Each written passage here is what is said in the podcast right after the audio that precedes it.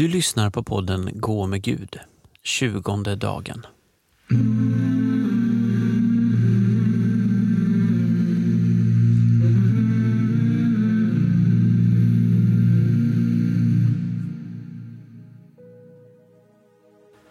Podden är indelad i fyra teman. Vi inleder nu det tredje temat. I detta tema utgår texterna som vi får höra från Jesu lidande och död.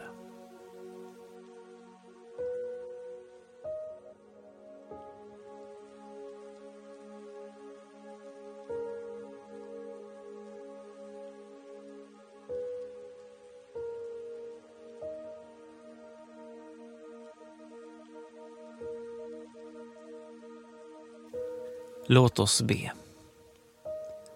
Kom helige Ande, hjälpare, tröstare, vägvisare. Välsigna mig just nu och välsigna den här dagen. Det som ligger bakom mig och det som ligger framför mig. Välsigna de människor jag mött idag och det jag kommer att möta. Jag lägger allt i dina händer och vill göra allt till Guds större ära.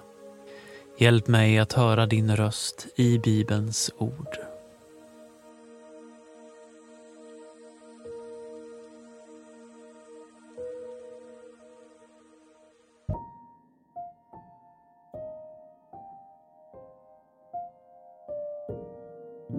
Läsning ur Lukas evangeliets 22 kapitel. Sedan gick Jesus ut ur staden och begav sig som vanligt till Olivberget och lärjungarna följde med. När han kom dit sade han till dem, be att ni inte utsätts för prövning.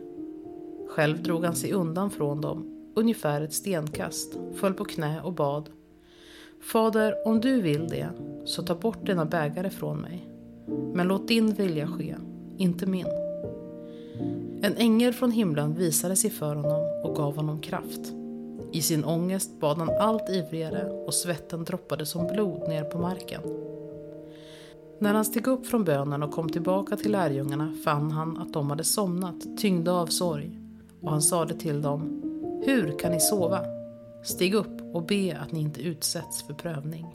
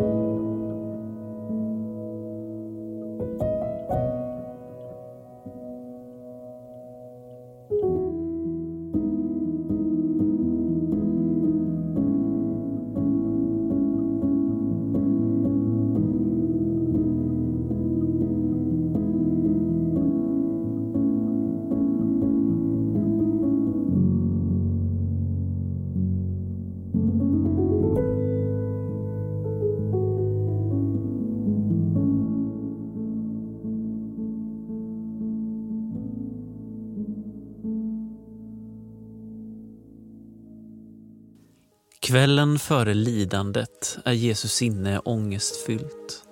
Han är på Olivberget där han till sist bara kan be inför den största prövningen. Han ber att få slippa lidandet och döden. Han känner stark ångest, han svettas blod. Han vill inte lida, men han vill göra Faderns vilja. Vi ska aldrig söka prövningen Frestelsen eller prövningen är aldrig god i sig, även om lidandet kan leda till något gott om vi lämnar det i Guds hand. Jesus litar på Fadern. Han vågar överlåta allt åt hans vilja. Lärjungarna faller i sömn istället för att be. De sviker sin mästare. Jesus frestas att ge upp och han ber ärligt till sin fader att han ska ta ifrån honom lidandets kalk om det är möjligt och lägger till Låt din vilja ske, inte min. Så får också vi närma oss lidandet. ske din vilja, inte min. Här är lidandets väg samtidigt kärlekens väg. Vägen Jesus går för andras skull, för att vi som svek inte ska lida nu eller i evigheten. De andra somnar, men Jesus fortsätter be och han får också kraft av en ängel när han ber. Uthålligheten i bön, har du en egen erfarenhet av den? Eller ger du också upp fast du lovat att hålla ut? Ser du den bedjande Jesus framför dig? Vilken böneställning har han? Vilket ansiktsuttryck har han? Vart riktar han sin blick? Hur orkar han be i den svåraste stunden? Ber du med honom? Han som sagt att den som vill gå i hans fotspår behöver ta upp sitt eget kors. Hör texten igen.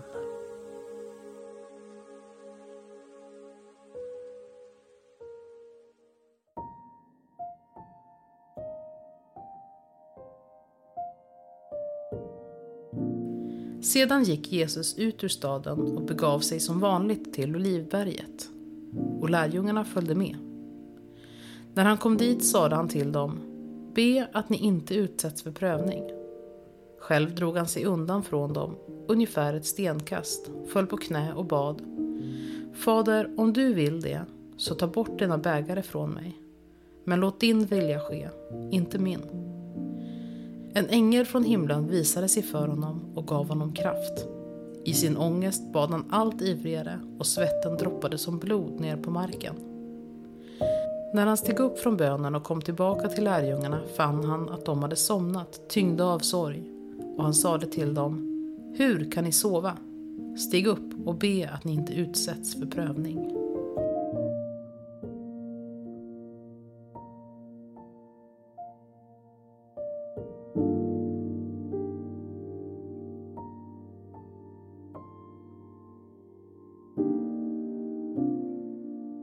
Ära vare Fadern och Sonen och den helige Ande.